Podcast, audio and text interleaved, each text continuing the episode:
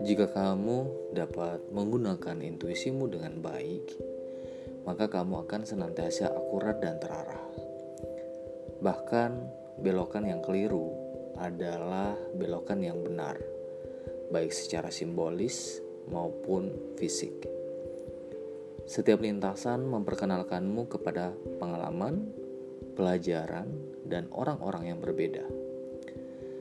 Menggunakan kekuatan intuisi dan sinkronisitas yang kamu miliki sama dengan belajar membaca dengan rambu-rambu jalan dengan lebih baik, mencermati petunjuk yang datang dari dalam.